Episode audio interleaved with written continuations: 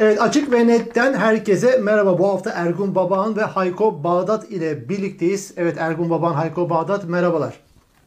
Merhaba. Selam arkadaşlar merhaba. Selam Hayko, e, selam Babaan. Şimdi e, pek çok sıcak başlık bizleri bekliyor. Açık ve net bu başlıkları konuşacağız. Tekrar hatırlatayım. Like'larsanız izleyicilerimize buradan mesaj vereyim. Like'larsanız memnun oluruz. Evet sıcak başlıklara geçelim ama önce şunu konuşalım. Ya bizler 5 yıldan bir aşağı yukarı Türkiye'den ayrıyız. Farklı ülkelerde yaşıyoruz ama geçen de yine bildik tablolar yine e, devam ettiğini gördük. 9'u 5 geçe bir adamı dövdüler. Saygı duruşunda durmadığı için İstanbul'da onun görüntüleri yansıdı. Kürtçe şarkı söylediği için adamları yine dövebiliyorlar. Vay efendim sen Ramazan'da su, su, su içtin diye dövmeler de olabiliyor. Bildiğimiz Türkiye. Ya hiç mi değişmiyor Türkiye? Baban e, hanginizden başlayayım? Hayko ya da haftanın konu Hayko senden başlayayım istersen. Yani ne diyorsun ve bunların da e, e, hiçbir cezai müeyyidesi de yok biliyor musun? Yani ilginç bir konu ve uzun konuşmak gereken bir konu. O kadar uzatmayalım. Sıcak başlıklar var ama e, Türkiye'de şiddeti tartışmak gerekiyorsa veya cezasızlık kavramını, adaletsizlik kavramını tartışmak gerekiyorsa asla şöyle bir cümle kurmayız değil mi? Ya eskiden böyle değildi şimdi niye şey böyle şeyler oluyor? Hayır e, bu Türkiye'de zaten mahkus kaderimiz, lanetimiz adaletsizlik. Ama e, Erdoğan AKP MHP rejiminde bugün şiddet e, nasıl konuşulmalı? E, şimdi hepimiz içindeyiz ya da birkaç yıldır dışındayız fark etmez. Getirelim bir tane e, işte bu konuya bakan uzman bir akademisyeni ve Türkiye'deki şiddeti başlıklar halinde e, incelesin. Nerelerde şiddet var? Yahu nerelerde şiddet yok? Bugün şiddet ile, e, baskı ile ve adaletsizlik ile yönetilen bir rejimden bahsediyoruz ve tabii ki doğal olarak her alanda şiddet tavan yapmış durumda. Yani işte hemen kadın cinayetlerinden örnek verelim. Geçen gün birisi samuray kılıcıyla yolda geçen kadını e, öldürdü. Polisin şiddeti, bekçinin şiddeti ülkede şu anda e, korkunç bir şiddet sarmalı e, yaşanıyor. Ve adaletsizlik böyle bir gözden kaçma falan değil, bilinçli bir politika olarak bir adaletsizlik var. Şöyle düşünün, Şen Yaşar ailesini düşünün. Çok zor mu o kadını dinlemek? Kameraların önünde bütün ailesini öldürdüler. Gidip bir de üstüne hastanede öldürdüler. Niçin yapmıyorlar? Konya katliamını düşünün. Suriyelilere yapılan linçleri düşünün. Ee, polisin yaptığı şiddeti düşünün. Yani Gezi'den bu yana kar topu gibi büyüyen ve bugün artık e, mekanizmanın, rejimin bir sopası, mekanizması olarak, bilinçli olarak üretilen bir şey söz konusu. Bütün katillerin Süleyman Soylu'yla resmi var. Devlet politikası. Bütün katillerin Binali Yıldırım'la, Devlet Bahçeli'yle fotoğrafı var. Neredeyse bütün katillerin abartmıyorum. Yani bak bir tanesi fotoğraf gösterse bir katil, e, işte Deniz Poyraz'ı katleden HDP e, İzmir'in teşkilatında 45 kere 50 kere aramış karakolu. Adalet soruşturma özellikle yok. Dolayısıyla yani bugün bu Kürtçe şarkı söyleyen, Cuma'da su içen filan gibi eskiden beri süre gelen e, toplumsal fay hatları arası gerilimlerin çok üstünde bir durum var. Toplu katliamlara, toplu baskılara, toplu cinayetlere bile adalet yok. E, ve yani bugün şiddeti tartışmak istiyorsak Rejimi tartışmaktan başlıyor bu iş. Yani şiddeti kendilerine hak gördükleri. İş yerinde bile o bir tane video düştü. Ee, AKP'li bir kadın nasıl bağırıyor. Yani şiddeti her alanda kullanmayı kendine hak gören bir durumla karşı karşıya. Zaten otoriter rejimlerin ABC'si bu, yöntemi bu. Yani biraz evet. öyle bir arada tutacak hepimizi yani. Baban senin buna ilaven var mı? Bu şiddet eğilimi her meselede sokağa yansıyan ve linçe dönüşebilen ve e, yasal herhangi bir şeyde tekabül etmeyen ceza hukuk açısından. Yani ceza hukuku açısından aslında var da hukuk Türkiye'de yok artık. Yani adamına göre işleyen bir kuruma dönüştü hukuk sistemi. Ee, o yüzden e, yani Türkiye'de şaşıracağımız vay be diyeceğimiz bir gerçeklik kalmadı. Ama 10 Kasım'la ilgili Cengiz Aktar'ın attığı ilginç bir şey vardı. Dünyanın her ülkesinde normalde liderler doğdukları gün bir bayram olarak anılır. O gün kutlanır. Bizde öldüğü gün yasla e, anılıyor nedense. Öyle bir garabet var. İkincisi e, bakıyorsun işte e, Kulüp diye bir dizi varmış şu anda Türkiye'de İstanbul Yahudilerinin özellikle yaşamını anlatan. O diziye övgüler düzenli, beğenen, e, hayran kalan kesimler aynı zamanda Atatürk adına Atatürk'e övgü düzen e, tweetler, paylaşımlar da yapıyor. Yani bu çelişki nasıl oluyor ikisi bir arada? E, Hem yani mazlumun yanındayım deyip ağlayacaksın ama bir taraftan zalimi de alkışlayacaksın. Yani şey anlamda dönüp baktığında e, varlık vergisinin altyapısı, temeli her şeyi Mustafa Kemal'in yönetiminde onun atılmış. Onun kuru yani devraldığı bir mirasın devamı olarak hayata geçmiş bir uygulama.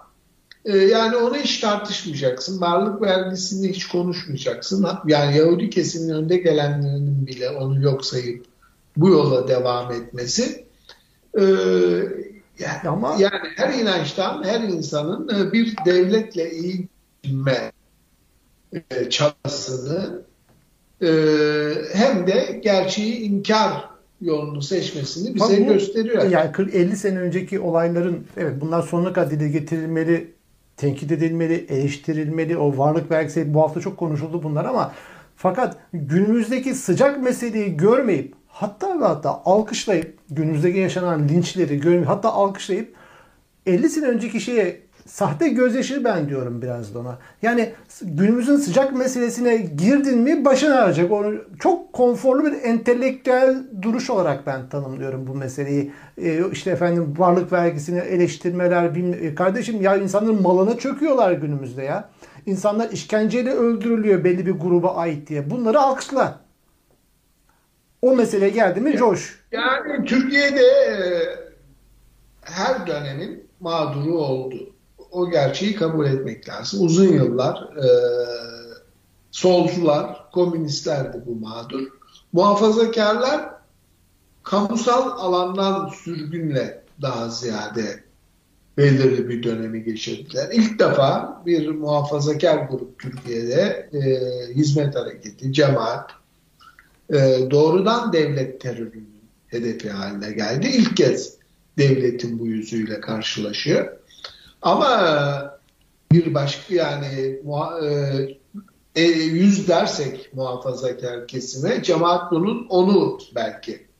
90'ı cemaatin boşalttığı alana giriyor. Cemaatin mirasını paylaşıyor e, cemaatin zenginliklerinden faydalanıyor. İşte yurtları devredilmiş bilmem kime, okulları oraya gitmiş, e, fabrikaları buraya gitmiş.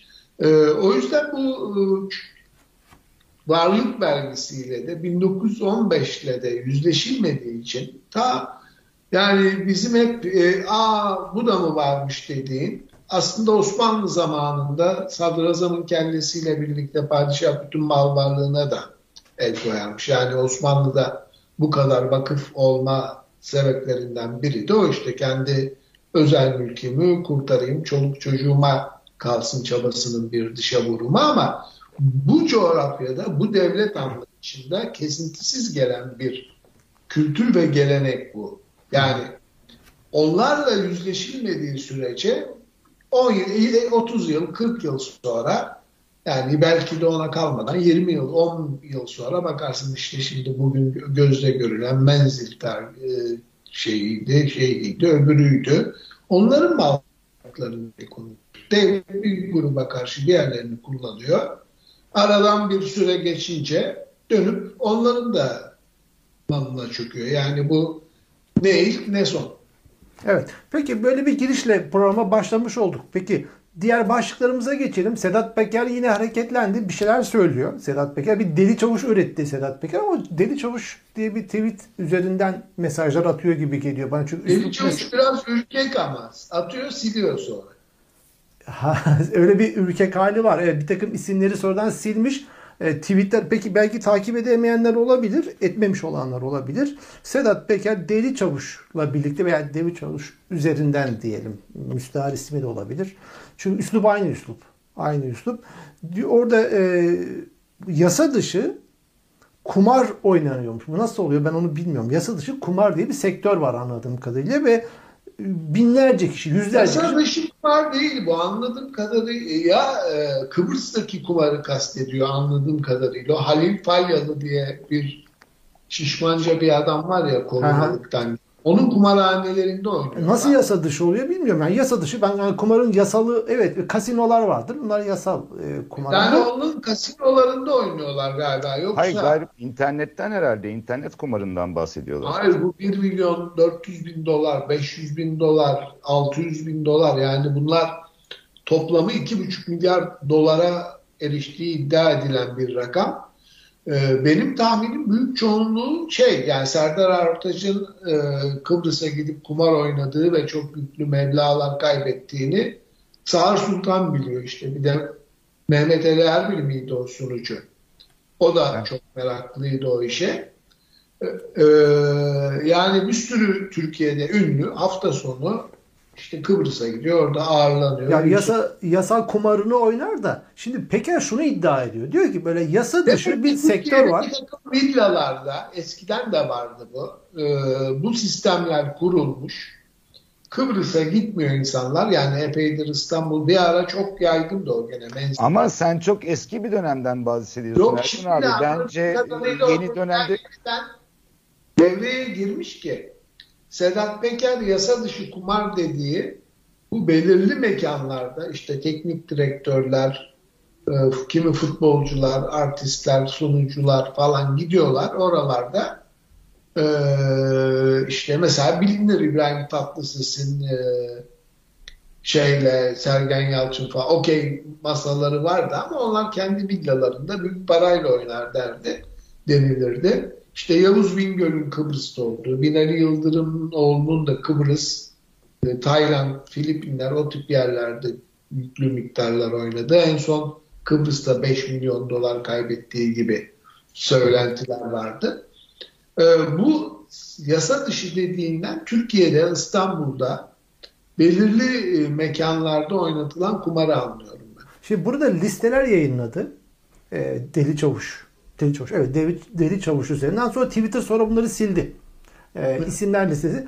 Daha sonra millet bu isimler listesinde kimler var diye bunlara odaklandı. Arkasından Sedat Peker dedi ki ya babalar dedi ya ben onu hani siz oraya odaklandınız ama odaklanmanız gereken yer orası değil. Bu siyasetçiler buna niye izin veriyor ve ne kadarlık bir rüşvet karşılığında bu yasa dışı kumara müsaade ediliyor? Bunu dikkat edin kardeşim diye uyarmak zorunda kaldı insanları. Yani o Süleyman Soylu'yu hedef almıyor, almak istiyor. Millet magazine dönüştü diye kızıyor. Aha.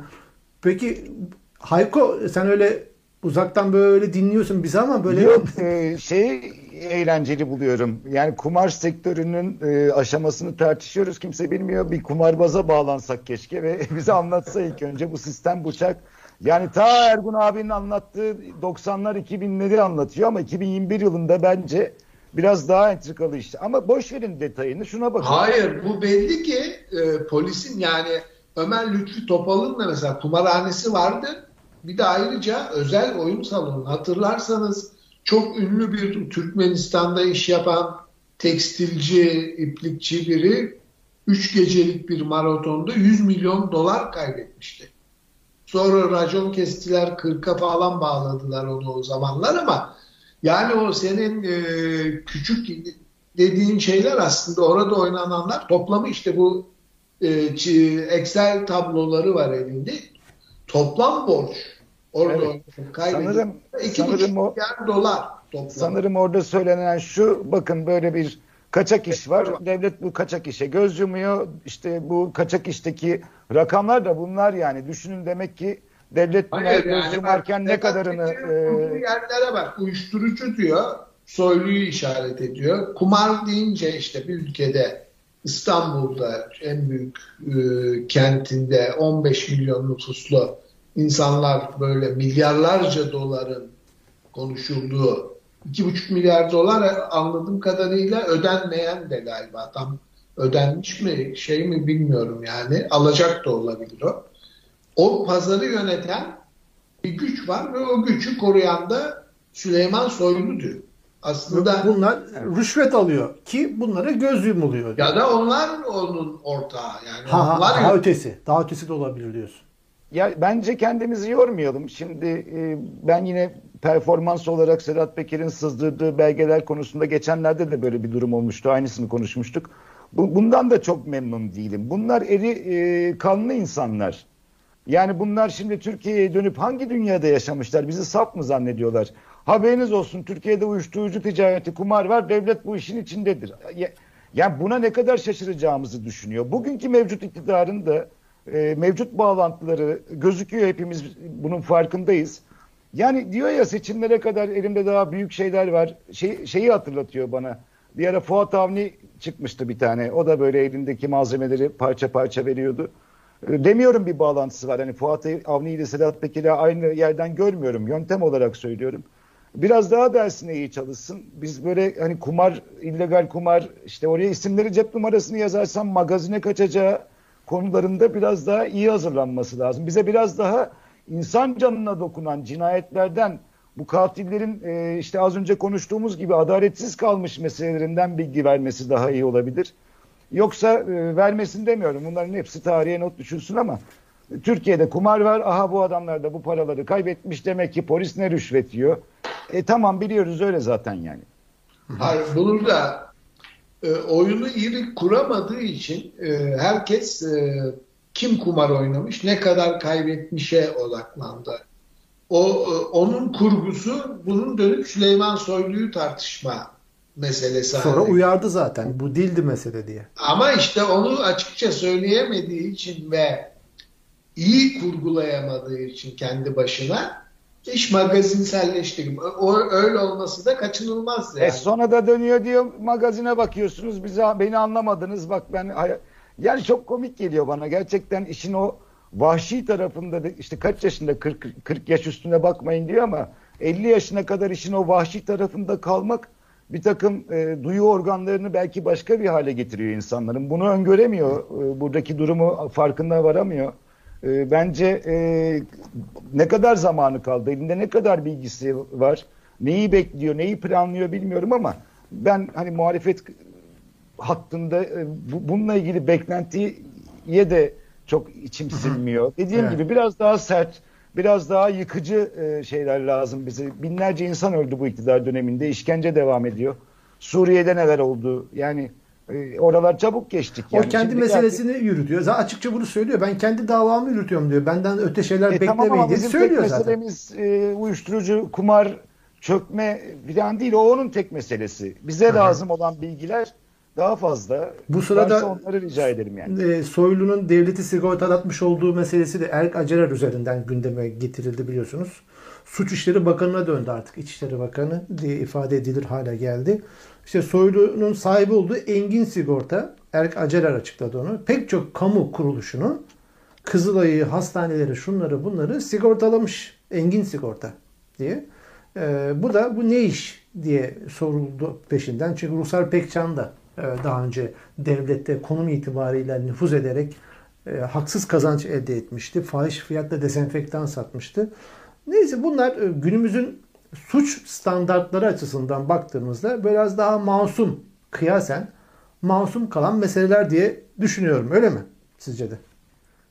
Yani kısaca ben e, ekonomik sıkıntıların, Türkiye'de yoksulluğun, açlığın, açlık sınırında yaşayan insan sayısının bu kadar çok olduğu bir yerde bu kadar hırsızlığın e, göze daha çok battığına eminim. Yani Arap Baharı e, bir insanın kendisini yakmasıyla başladı. Bizde de yazar kasa meselesini hatırlayın. Yani bu ekonomik kriz çok şeye gebedir. Bu kadar hırsızlık, uğursuzluk ortaya saçılarak e, iyi oluyor. Yani görsün insanlar, hepimiz görelim. Evet. E, insanlar bunu yaşarken arkadaşlar e, nasıl bir hayat yaşıyorlar yani. Peki baba bu meseleyi bağlamadan meselenin bir başka evet hırsızlık boyutu vatandaş görsün boyutu var ama bir taraftan da her ok e, Süleyman Soylu'ya çıkıyor. İşte e, Sedat Peker'in okları oraya doğru gidiyor ama artık Suç İşleri Bakanı de, denir haline geldi. Peki Erdoğan her şeye rağmen sence neden hala onu İçişleri Bakanlığı'nda tutuyor? Sen ne diyorsun? Yani Erdoğan tutmuyor onu. Devlet Bahçeli tutuyor. Çünkü polis teşkilatını e, iş bölümünde MHP'ye devretmiş durumda İçişleri Bakanlığı'nı Erdoğan. Öyle bir anlaşma var. Ne her ne kadar Bahçeli kendisini biz muhalefeti, demokratik muhalefetiz diye konuşlandırmaya çalışsa e, ki onların da endişesi AKP'nin yeniden e, PKK ile bir pazarlık masasına oturduğu yolunda sanki. O yüzden bir mesafe koyduğuna ilişkin dedikodular var. E, Erdoğan'ın şeye dokunacak gücü yok. E, Soylu'ya. Bir de Soylu'ya. Yani etmediği, göndermek istediği gayet açık ama o gücü yok. Şimdi Soylu'nun elinde de kozlar var biliyoruz. Mesela dedi 10 bin dolar alan AKP'li dedi ağzından çıkarttı. Hala duruyor. Havada duruyor mesela. O cümle duruyor. Kim o? Söyle kardeşim mesela. Bir de bu şeyin e, Sedat Peker'in iddialarını hatırlarsanız sarayı dinletiyor meselesi vardı. Sarayın özel kalemini vesaire. Şimdi orada Soylu çok şey biliyor da olabilir. Bu iktidar ilişkisi içerisinde. Onun da ellerinde muhtemelen kozlar olacaktır. Mutlaka vardır diye de düşünüyorum. Ee, Süleyman Ruhsar Pekcan gibi hemen kafasını koparacağı bir tip değil Erdoğan için. Yolsuzluklarını yakalayınca görünce falan. Ya Erdoğan artık e, herhangi bir yolsuzluk söylentisinden endişe edecek, çekinecek, korkacak bir yanı kaldı mı emin değilim. Yani bu dosyalardan dolayı bir e, sıkıntısı yok bence. Hı hı. Peki. Yani Peki. Düşünen var mı öyle olabileceğini? Yani geçmişteki yani, 17-25'i ay yolsuzluklar, hırsızlıklar şunlar bunlar mı açısından mı soruyorsun? Yani yani 17-25 Aralık müteahhitlerle olan ilişkiler, Demirören'le olan ilişkiler yani e, almış boyasını gitmiş. Burada bence şey yok yani bir kaygısı yok Erdoğan. Bir de programın başında konuştuğumuz gibi hırsızlığı bırak e, cinayeti bile e, adalet tecelli etmediği bir durum var. Yani cinayet davalarını bile e, adalete teslim etmeden katili yakında tutabilen bir rejimle karşı karşıyayız. Evet halk kanıksadı e, ve Erdoğan artık ne çıkarsa çıksın e, onu duyulmaz hale getirmeyi başardı belki 17-25 sürecinden bu yana. Ama tekrar söyleyelim yani bu kadar büyük e, ekonomik krizin, bu kadar ciddi problemlerin olduğu bir yerde her zamankinden daha fazla e, onu tedirgin eden bir şey olduğunu düşünüyorum ben bu ihtimallerin. Ama tabii mevcut e, kendi iktidar ortakları kendisini sattığı an çok şeylerin hesabını vereceğini de biliyor tabii. Yani bugünkü sistem açısından korkusu yok. Bugünkü yargı açısından korkusu yok.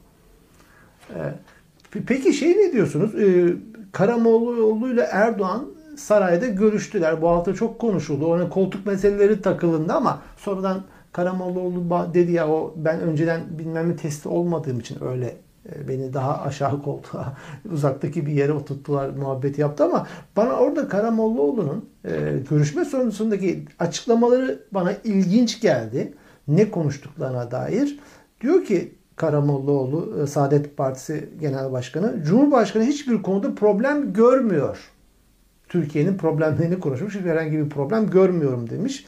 Ekonomik yönden de, dış politika gelişmeler yönden de her şeyin dört dörtlük olduğu kanaatinde olduğunu söylemiş Erdoğan Karamollaoğlu'na. İlginç geldi ve sistemde revizyon düşünmüyor.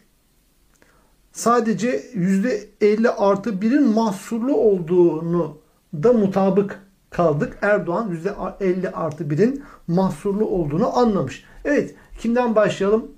Buradan biraz konuşalım. Ne diyorsunuz e, bu görüşme sonrasındaki yapılan bu açıklamalar hakkında? Yani Erdoğan'ın e, bir hayal aleminde yaşadığı, gerçeklikle bağının koptuğu kesin. E, zaten artık e, Erdoğan adına konuşan, öne çıkan insanların kalitesine, çapına, söylemine bakınca da bunu daha açık bir şekilde görebiliyoruz. Yani, o zaman danışmanlar mı yönetiyor Türkiye'yi? Yani Erdoğan Karamoğlu'na bunları söylerken, her şey dört dörtlük derken samimi olduğunu mu samimi mi söylüyor? Danışmanların Türkiye ile olan bağını arasında kopartıldığı düşüncesinde misin? Hayır yani Erdoğan zaten yani halkını düşünen, halkı için kederlenen, üzülen bir lider değil ki artık. Yani kendi geleceğini, ailesini kurtarmaya çalışan biri. Orada herhangi bir e, şeyi kabullenmesi, sistemin tıkandığını, ekonominin kötüye gittiğini, dış politikada büyük bir çuvallama yaşandığını e, başkanlık sisteminden vazgeçmesi gerekir. Başkanlık sisteminden vazgeçmesi e, kurmuş olduğu sultanlığın sonu anlamına gelecek. E, o yüzden bu gerçeği kabul etmesi kendi varlığına e, aykırı bir e, tablo. E, Erdoğan hiçbir zaman e, bu e, şeyden vazgeçmeyecek bence. İnattan. Peki %50 artı 1'in yanlış olduğunu ifade etmiş Hayko. Tabii. Şimdi idealiydi demek ki. Şimdi Erdoğan'ın aslında kendi açısından sorun görmüyor meselesinde e, şey yapmış Temel Bey hepimizin merak ettiği soruyu sormuş. Demiş ki ya sizi eksik bilgilendiriyor olmasınlar yani. Yani bak etraftan, bakanlıktan, danışmandan size bazı şeyleri söylemeye çekiniyor olabilirler demiş. O da yok demiş. Hiçbir bilgi sorunu yok. Ben bütün bilgi akışını e, sahibim. Tam tersine iyi gidiyor bazı tar- tarım ürünlerinde mesela sonra işte fıstıkta, fındıkta çok mutlu çiftçi demiş. Ee, sadece 50 artı bir işte seçilmesini biraz zorlaştıran. Türkiye'nin tek kendine, sorunu oymuş. O da seçilememe kendine ihtimali. çok güvenmiş bir önceki sefer. 50 artı bir demiş. Bugünleri düşünmemiş. Yani siyasette önüne çıkan engelleri aşma konusunda Erdoğan'ın bu kalemun gibi renk değiştirdiği bir onu bir bunu savunduğu biraz sonra geldiği yerde kendi koyduğu rakamı çok beğenmemiş işi zor. Onun dediği gibi mi? Ee, yani Erdoğan'ın gördüğü gibi mi? Türkiye'de bu kadar çok şeyi boşa mı konuşuyoruz biz? Gerçekten ekonomik bir kriz yok mu? Gerçekten Türkiye Dünya e, Devletler Ligi'nde e, dibe e, kazık çakmadı mı? E, gerçekten dış politikada artık konumumuz değişmedi mi? Yeni halimiz bu mu? Buna ikna mıyız? Anketler yalan mı söylüyor? İşleri zor mu? Kolay mı? E biz bu kadar şeyi boşa konuşuyorsak bir daha ve Erdoğan'ın dediği gibi bir Türkiye varsa, herkes çok mutluysa ve yüzde 51'i biraz sonra yakalayacaksa çok şaşırırım açıkçası. En öyle saraydan öyle gözüküyor. Herhangi bir problem yok. Ülke dört dörtlük gözüküyor sarayın merceğinde. Ama öyle olmadığını laf arasında kaçta dış politikada çok başarılıyız diyor. Sonra kalkıp diyor ki Yunanistan Amerikan üssü haline geldi. E niye o zaman? Kim getirdi Yunanistan'ı Amerikan üssü haline? Atina ile Washington hadi gel biz hiçbir şey yok, fol yok, yumurta yokken bir araya gelip Türkiye karşıtı bir cephe oluşturmadı ki. Türkiye 80 milyonluk, 90 milyonluk ülke, 7,5-8 milyonluk bir ülkeyi askerleriyle, tüfeğiyle, uçağıyla, gemisiyle tehdit ettiği için ve uluslararası sistemin de hakkını aramaktan öte uluslararası sistemin dünyanın bu tarafındaki işleyişini bozduğu için Amerika oraya geldi. Ama onu görüyor ama onun sebebini kendisi olarak görmüyor. Amerika ile Yunanistan'ın pis bir işbirliğinin, haçlı zihniyetinin Atina'da ortaya çıkması olarak görüyor. Türkiye sütten çıkmış Erdoğan yönetimindeki Türkiye'de öyle ak kaşık gibi. Yani hiçbir yer Libya'da şimdi konferans yapılıyor. Türkiye Dışişleri Bakan Yardımcısıyla gidebiliyor. Yunanistan'ın Başbakanı orada, Birleşmiş Milletler orada, Fransa orada, Rusya Dışişleri Bakanı orada, Amerika Başkan Yardımcısı orada. Erdoğan gidemiyor. Söyleyecek lafı yok.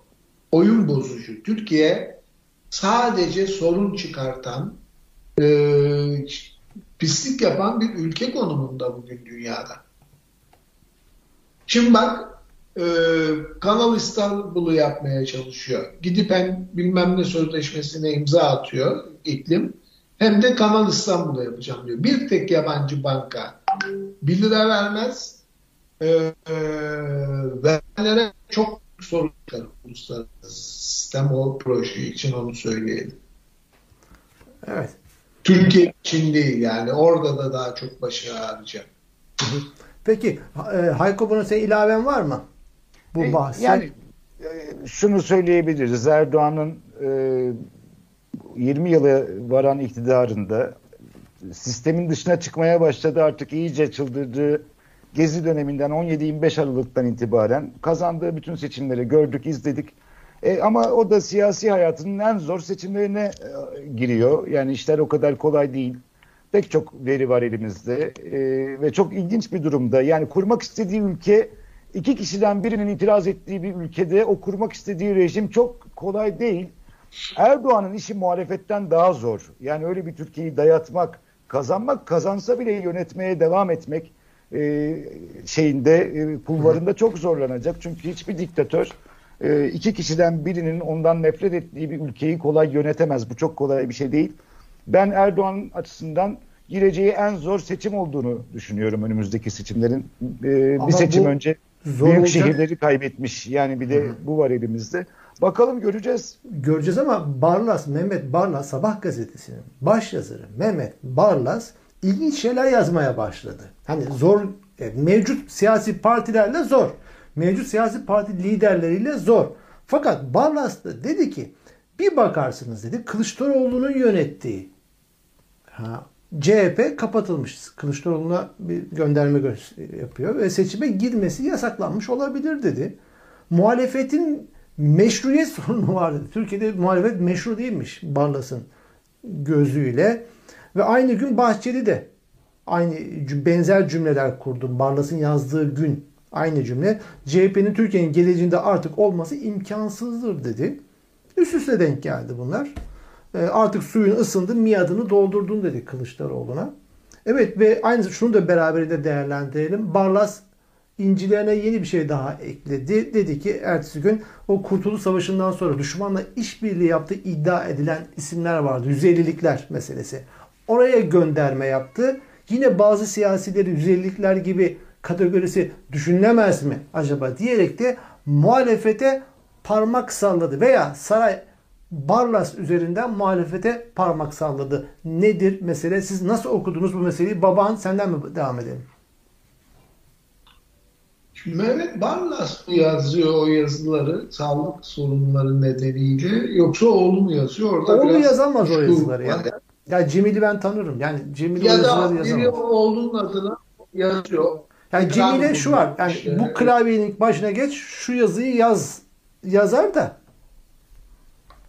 e, muhtemelen öyle oluyordur. Yani o Pelikan ekibinin bir e, stratejisi gibi geliyor bana ama bunu şöyle okumak lazım. E, Kemal Bey aday olma konusunda ısrarını sürdürürse e, Alevilik meselesinin mesela kaşınacak bir konu olduğunu e, şimdiden görüyoruz. İşte Hikmet Karaman mıydı? Kimdi o e, İslamcı yazar?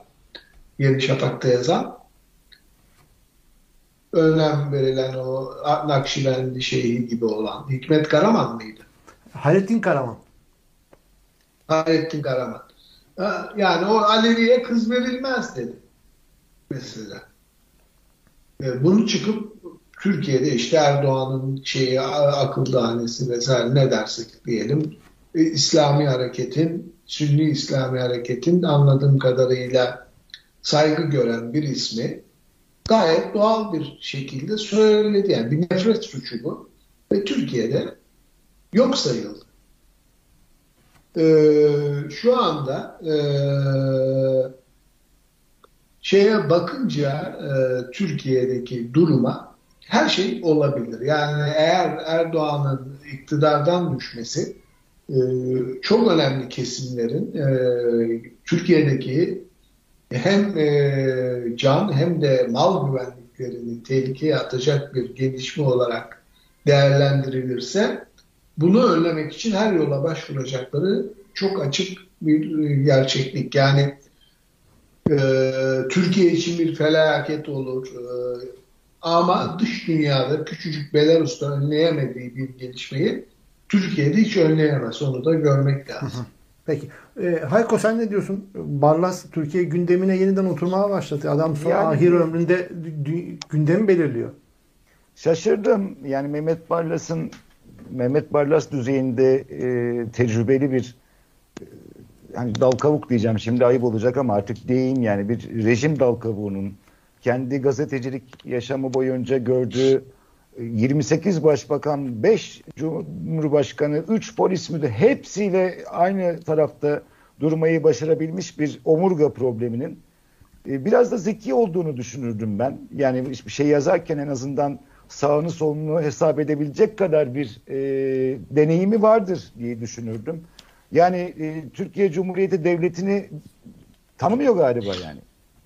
Bugün Cumhuriyet Halk Partisi kapatılsın lafı önemli bir laftır. E, ve bunun temsilciliğini Mehmet Barlas bu yaşta Niye üstleniyor? Niye Fakat orada bir nüans çıkıyor? var Hayko. Dikkat et orada bir nüans var diyor. Kılıçdaroğlu'nu yönettiği CHP bir baksın. Yemezler Erkan, yemezler. Öyle değil bugün siyasi yarılma. Yani e, tam tersine Erdoğan rejiminin devamı gelmez ise diye farelerin gemileri terk etmeye başladığı, e, Kemal Bey'in açıklamasından sonra bürokraside direncin olmaya başladığı, e, gerçekten e, olaylar sertleşirken kalkıp da işte ne bileyim bunu Akit TV'de falan duyabilirdik. Çok ciddiye almadığımız insanlardan gelebilirdi. Mehmet Barlas'ın bugünkü pozisyonda o tecrübesiyle bu hamlenin öncüsü olarak e, kendisini ortaya atması bir acemiliktir. Bu bahis olsaydı az önce konuştuğumuz gibi ben bütün paramı bu tarafa yatırmazdım. Mehmet Barlas bu kadar deneyime rağmen bir hata yapıyor bence. Cumhuriyet Halk Partisi'nin kapatılması e, önerisinin vaat ettiği duruma e, gelebileceğimizi düşünmüyorum ama e, yani gelinemeyeceği gün bunun hesabı sorulacaktır. Dolayısıyla Mehmet Barlas e, şey yemiş. Ne yemiş hani cesaret için bir şey yiyorlar ya. Ya fakat sen Yürek. hala Yürek yemiş yani. Sen ama sen hala CHP'yi hedef aldığı noktasından bakıyorsun. Ben öyle bakmıyorum. Yani Kılıçdaroğlu'nun yönettiği CHP derken aslında Kılıçdaroğlu'nu hedef alıyor. Yani bir operasyonla Ayıramazsın. Bugün cum yani si- siyaset Cumhuriyet Halk Partisi uzayda değil yakınımızda çevremizde arkadaşlarımız e, ilişkilerimiz olan bir parti. Bugün Cumhuriyet Halk Partisi'nde Kemal Bey'i ayırıp Cumhuriyet Halk Partisi'ne ayırmak gibi bir e, manipülasyon asla tutmaz. Keza ya Selahattin Deniz Baykal'ı gönderdiler. Deniz Baykal'ı gönderdiler. Hayko Kılıçdaroğlu'nu getirdiler. Daha önce operasyon yapmadılar mı Cumhuriyet Halk Partisi'ne? Tereyağdan kıl çeker gibi yaptılar. Yok yok yok yok. Bu bugün öyle değil yani. Bugün e, bırak onu Kemal Bey ile Meral Hanım'ın arasını açmak bile o kadar kolay değil. Yani gidecekler e, iyi bir karşılığında iyi bir kesim hazırlık yapıyor. Bu taktikle Kemal Bey'i e, Cumhuriyet Halk Partisi'nden e, ayırarak e, işte pasifize etmek, siyasetin dışına atmak e, mümkün değil. Yani Mehmet Barlas yanlış hata oynuyor yani. Evet neyse onun tercihi. Tercihi diyelim. Fakat Berat Albayrak'tan yer yerinden oynatacak bir kitap geliyormuş. Haberiniz olsun. Gördünüz mü haberi? Evet. Babası da söylemiş bugün. Ee, Sadık Albayrak söylemiş. Bu önce Rock Rasim Ozan Kütahyalı zannediyorum. Babasıyla konuşmuş. E, demiş ne yapıyor oğlan? O da demiş işte e, süreci anlatan bir kitap yazıyor. Fakat ilginç yer yerinden oynayacakmış bu kitap çıktığında. Beklentiniz nedir? Yer yerinden oynar mı? Erdoğan'ın saf ve kolay kandırılır biri olduğunu yazacak herhalde. Beni görevden aldı şeyler AK Partililerin bir kısmı araya girdi diye öyle bir şeyler söylerse yer yerinden oynar. Kayınpederim iyi hoş adam ama çabuk kandırılıyor diyebilir. İyi de kayınpeder döver onu ya. Bu lafı bile dese döver adamı. Döver, Gitmez döver. bir süre sonra. Hayko Ben kavganın oradan olacağını düşünmüyorum. Şimdi Berat Albayrak Ekonomi Bakanı, Enerji Bakanı olarak karşımıza çıktı ve biz onu çok dinledik, çok izledik. Nasıl bir biri olduğu, nasıl bir belagatı olduğu, nasıl cümleler kurduğu, nasıl yazdığı, çizdiği hakkında bir fikrimiz var. Ama e, bence burada yani Erdoğan kitap yazdıktan sonra herkes yazar, sorun değil. Birine de yazdırabilir, o da sorun değil. E, Akif Bekir'in yazısında babasının Sadık Albayrak'ın e, biraz bu yazım sürecinde destek olduğu iması var. Ve şöyle söylemiş babası, ben tanımıyorum e, bu babayı daha önce ne yazdı ne çizdi. Berat Albayrak'ı da gördüğümüz kadar tanıyorum ama bir intikam şaheseri olacak demiş babası. ha ben o cümleyi kaçırmışım. Böyle bir laf da Tabii. var. İntikam Evet, şaheseri. e, bir intikam şaheseri ne demek ben zannetmiyorum Kimden? kayınpederinden Erdoğan'dan intikam. E, bir ikinci durum var doların 10 lira olması beklenmiş e, biraz kitabın e, haber olması için. Yani bir itibar sorunu var. Ekonomiyi ben batırmadım aha ben bıraktım 10 lira oldu gibi e, artık kimlere ne kılıp bulacaksa bir çalışma var ama ben Albayraklarla Erdoğan ailesi arasında böyle birbirlerine karşı olabilecek bir takım kitap, belge, bilgi falan geleceği şeyinde değilim. Eninde sonunda bize çatacaktır yine. Bizden intikam alacaklardır. Zaten Yani- Barlas'ın o yazıları Sabah gazetesinde çıkıyor. Yani orada Albayrak kardeşlerin yönettiği bir operasyon. var. E, bilmiyorum yani Yani intikam şahesi. Albayrak'ın buyurup onay vermediği bir yazının orada yayınlanması hayal bile edilemez. Ee, bütün yazıları o okuyup o onaylıyor. Muhtemelen e, o iki kardeşin yönettiği bir operasyon Barlas'ın adında çıkan yazılar. Peki şunu da konuşmadan bitirmeyelim. Yani Albayrak'ın okları parti içi, iktidar içi bir hesaplaşma anlamına mı oraya doğru mu gider sizce? Yani Berat Albayrak'ın e, kimle kavgası olduğu belliydi o isimde. Süleyman Soylu ama sonradan Maliye Bakanı o, o işte Merkez Bankası Başkanı Naci Alva, Lütfü Elvan'ın da kendisi arkasından e, iş çevirdiği kanaatindeyse belki de onları hedef alacak ama bilmiyorum. Yani Erdoğan'la arasında bir kavga çıkartacak çapı da yok, şeyi de yok. Ama kitabı kendisinin yaz, yani doktora tezini ne kadar kendisi yazdıysa kitabı da o kadar kendisi yazıyordur. evet, doktora tezine de atıf yaptım böylelikle. Artık gündemlere bakıyorum da İyi Partili bugünkü bir haber var. Ee, İyi Parti Lütfü Türkkan'ın dokunulmazlık dosyası meclise gelmiş. Ne yapacaklar bu Lütfü Türkkan'a sizce? Düşürecekler yani bir konu lazım Erdoğan'a ama kimsenin gündemine giremedi o. Yani artık gündem belirleyemiyor. Sıkıntısı Erdoğan'la. Ekonomi o kadar ağır basıyor ki yani Suriye'ye giremedi. Ege'de müjde gelemedi. Ee, söylüyor işte uçağı e, motor bulamadı uçağını uçuramıyor. Rolls Royce motoru gelse yapacaktık diyor. İyisi mi İyi Parti'ye mi girelim? Yapacağı tek şey Efendim? İyisi mi İyi Parti'ye mi girelim diyor hiçbir yere giremesek bile. Evet İyi Parti'ye girelim. İşte öyle. Yani şimdi bir demokratik ülkede Cumhurbaşkanı bir milletvekilinin kamu bankasına borcunu açıklayabilir mi? Yani şey ayrı bir mesele. Yani muhalif bir milletvekili hangi koşullar altında Ziraat Bankası'na 32 milyon dolar borç biriktirebilmiş? O ayrı bir mesele. Bu bilginin Erdoğan'da olup onunla o bilgiyi kamuoyuyla serbestçe paylaşabiliyor olması devre geldiğinde ticari sırrı olan bir konunun e, İyi Parti'nin milletvekiline geldiğinde orta malı haline e, düşmesi e, Türkiye'nin işte acıklı, tutarsız halinin bir başka göstergesi açıkçası. Evet. Peki benim atladığım bir gündem var mı? Bir bakıyorum. E, varsa siz ilave edin. Olmazsa haftanın geyiklerine geçelim. Ben başlayayım. İşte haftanın sonra... en önemli gündemi Ali Koç da e, Erdoğan gibi oldu yani. Pereira'dan e, vazgeçmiyor. sen, o var. Sen sıkı bir Fenerbahçeli olarak ya ne olacak bu Fenerbahçe'nin halini e, haftanın geyikleri bağlamında ilk geyik sana şey yapayım mı arkasından geyik sıralaması Haykol'e devam edeceğim. Ne evet, olacak bu Fenerbahçe'nin? Çalıyorsunuz benim hazırlığımı siz kullanıyorsunuz. Önce ben konuğum ben başlayayım onlara. Dur sana tamam. dön ama önce bu Fenerbahçe'nin hali ne olacak abi? Fenerbahçe AKP gibi abi. Bir şey olmaz artık. Peki. Şey, senin yorumun bu. Peki ben öyle ne zaman Fenerbahçe'nin maçı olsa senin tweetlerine bakıyorum. Kesin, kesin baban yine bir tweet attı. Fenerbahçe'den bir şey olmaz mealinde standart tweetlerin var senin. Her Fenerbahçe maçı başladığında ve sonuna doğru. Neyse o zaman biz incilere, e, geyiklere geçelim. Evet Hayko bak sana veriyoruz seni e, geyiklerini patlatmamak için. Evet, Birkaç tane var zaten Erkam. Ee, bir tanesi çok yeni bir haber okudum. Ee, şimdi bu televizyonlarda Flash TV açıldı orada mı bilmiyorum. Tekrar bir, bir takım programlar başladı. Bu Nihat Doğan'ın başka bir işte bir, birkaç kişinin olduğu ve sosyal medyada çok karşımıza çıkıyor. Korkunç bir düzeyde bir şeyler yaşanıyor. Nihat Doğan HDP'den siyasete gireceğim diyor. Onu anla yani oraya ha, bağlayacağım mi? ama ha, yani tamam. Nihat Doğan bir, bir tane video çıktı karşıma. Nihat Doğan ben Kürdüm 50 kere de olsam Kürtlük benim için onurdur gibi bir şey söyledi çocuk haklı olarak.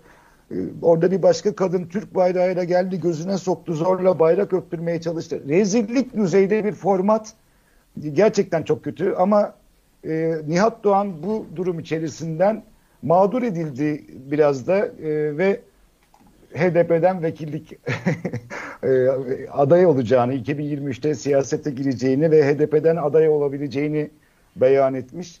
Yani sosyal medyada söylediğimi söyleyeyim ona. Yani Nihat Eval dur. Süreç öyle işlemiyor. Karar mekanizması böyle çalışmıyor. Herhangi bir parti de böyle hadi deyince HDP gel bakalım seni birinci sıraya koyduk demiyor.